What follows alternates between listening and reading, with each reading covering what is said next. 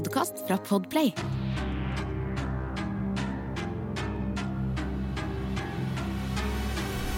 Hei og velkommen til Forsyningsfredag podkast. Denne episoden kan være skremmende for enkelte lyttere, så dersom du er yngre eller sensitiv, så vil jeg anbefale deg å høre episoden med en voksen du stoler på, eller skru av. Dagens episode omhandler en norsk forsvinningssak fra 2018 som jeg faktisk har dekka på YouTube-kanalen min tidligere. Men det som er spennende nå, er at saken har fått en utvikling siden den gang. Dette er saken om 18 år gamle Odin André Hagen Jacobsen. Odin var 18 år i 2018, og på ettermiddagen i 17.30-tiden 17.11.2018 kjører moren Odin til et treningssenter like utenfor Trondheim. Litt senere forteller Odin at han ikke skal hjem med en gang etter trening, fordi han skal henge med en kompis som bor på Heimdal i Trondheim. På kvelden er Odin og kompisene hans på et hotellrom i Trondheim sentrum, hvor de da drikker noen øl. Odin og moren hadde da tidligere på dagen avtalt at moren skulle finne ut av busstidene, og om det ikke klaffa med bussen, så skulle hun hente han. Klokka 22.07 er da den siste meldingen fra Odin tikker inn, hvor han da spør om når bussene går. Etter det slutta Odin å svare, og politiet har ved hjelp av basestasjoner klart å finne ut at telefonen hans gikk tom for strøm klokka 23.28 denne lørdagskvelden. Foreldrene forteller at Odin syntes det var veldig spennende og kult å henge på byen, selv om foreldrene ikke syntes noe særlig om det. Selv om han ikke svarte noe mer videre på kvelden, var de likevel helt sikre på at de kom til å høre fra han søndagsmorgenen, slik de alltid gjorde når han sov over hos kompiser. Etter hvert utover natta skiller kompisene lag, og Odin sier at han skal finne en buss i sentrum og komme seg hjem til Skaun, men bussen gikk ikke dit før på formiddagen på søndagen. Foreldrene tok kontakt med flere av kompisene, som da forteller at Odin ikke ville være med hjem fra byen. Ifølge foreldrene er det som har skjedd helt ulikt Odin, og de sitter igjen med en rekke spørsmål. Hva skulle han alene i Trondheim sentrum klokka fem på morgenen? Hvorfor ringte han ikke hjem for å få skyss? Foreldrene sier at de har en avtale om at han kan ringe når som helst på døgnet for å få skyss, og at de unngår å drikke alkohol de gangene han er ute på byen, sånn at de skal kunne være klare for å kjøre dersom det trengs.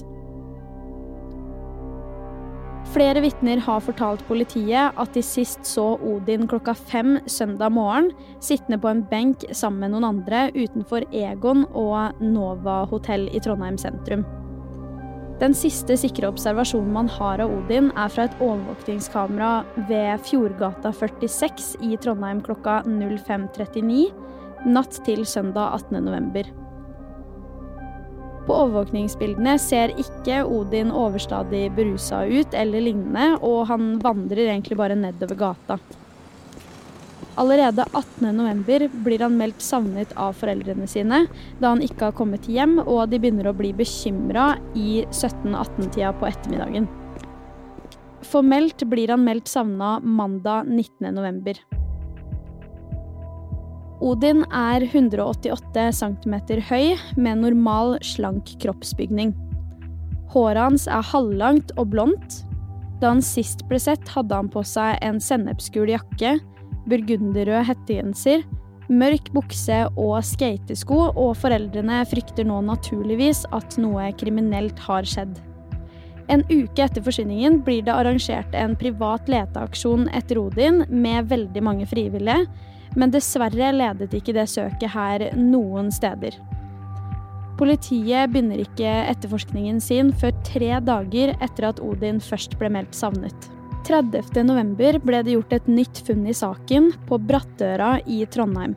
En tilfeldig person som oppholdt seg i området, fant passet, bankkortet og telefonen til Odin liggende inntil en bygning.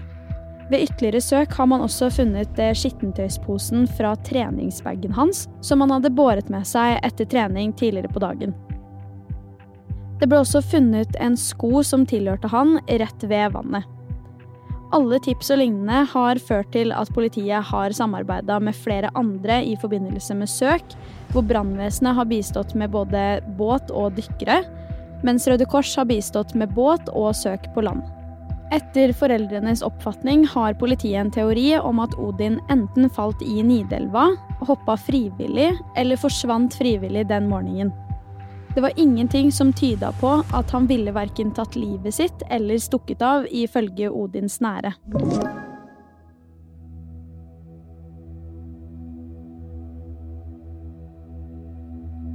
Det er blitt utført omfattende søk i både elva, fjorden, havnebassengene og kanalen, og Odin er ikke funnet.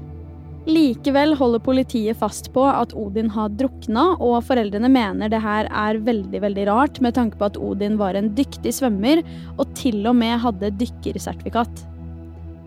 Han skal jo da tilsynelatende ha ganske gode sjanser dersom han hadde falt i Nidelva. De mener også at politiet har oversett ganske viktige overvåkningsbilder fra havna i Trondheim, da dette her er et av byens mest overvåka steder, og det skal være ganske umulig å bevege seg rundt der uten å bli fanga opp på video. Her har politiet prøvd så godt de kan å gjenopprette overvåkningsbildene fra den morgenen, men det var angivelig bare noen piksler igjen, så det har ikke leda saken noe videre. Familien til Odin er naturligvis redde for at saken skal ende opp uoppklart, slik som de gjør i mange andre tilfeller. Familien utlova derfor en dusør på rundt 50 000 kroner til den som måtte komme med et avgjørende tips i saken. Dette på bakgrunn av at det kanskje vekker mer interesse, og at de som kanskje vet noe, tenker seg om en ekstra gang. I tillegg til dette her så hyra også familien inn en privatetterforsker som kunne se nærmere på saken. I juni 2019 skulle politiet i Trondheim teste en ny undervannsdrone, og brukte dermed anledningen til å se om de kunne finne noen nye spor i Odin-saken. Søket gjorde de i elveutløpet til Nidelva, men dette også uten hell. Senere samme året blir det funnet enda flere gjenstander politiet mener kan tilhøre Odin, like ved Jonsvatnet. Dette er visstnok rundt 1,5 mil fra der han sist ble observert. 1.6.2020 kobles enda et nytt vitne inn i saken, som mener at han eller henne muligens har sett Odin dagen etter at han forsvant, i skogen mellom Jonsvatnet og Hommelvik. Dette høres jo ikke akkurat usannsynlig ut med tanke på gjenstandene som ble funnet i samme område, og det her gjør også at eh, politiet gjør nye søk i området, men heller ikke dette søket skal føre til noe nytt. Det er kun én person som noensinne er blitt pågrepet i saken. Dette er en mann som i avhør tilsto å ha tatt Odins eiendeler fra havna i byen og frakta de til Jonsvatnet. Denne mannen blir så sikta for falsk forklaring, uten at jeg egentlig har klart å finne noe info om akkurat hvorfor han ble sikta for det. Den siste oppdateringen vi har i saken, er fra 18.11.2021, ganske nøyaktig tre år etter at Odin forsvant. Nå mener politiet egentlig det de har ment fra ganske tidlig i etterforskninga, nemlig at det ikke er noe som tyder på at Odin har blitt utsatt for noe kriminelt. Det betyr at det er mulighet for at saken kan bli henlagt, selv om familien til Odin fremdeles ikke har fått svar på hva som skjedde med den 18 år gamle sønnen deres, som forsvant sporløst etter en tur på byen. Denne saken står fremdeles som uløst, men saken fortjener selvfølgelig uansett å bli løst. Dersom du har noen tips i saken, så ta kontakt med politiet. Du har hørt Forsyningsfredag podkast med meg, Sara Høydahl, og dersom du vil høre om flere true crime-saker, så kan du også sjekke meg ut på YouTube. Der heter jeg Sara Høydahl. Og uansett så kommer det en helt ny Forsyningsfredag podkast-episode allerede neste fredag, og i mellomtiden, ta vare på deg selv.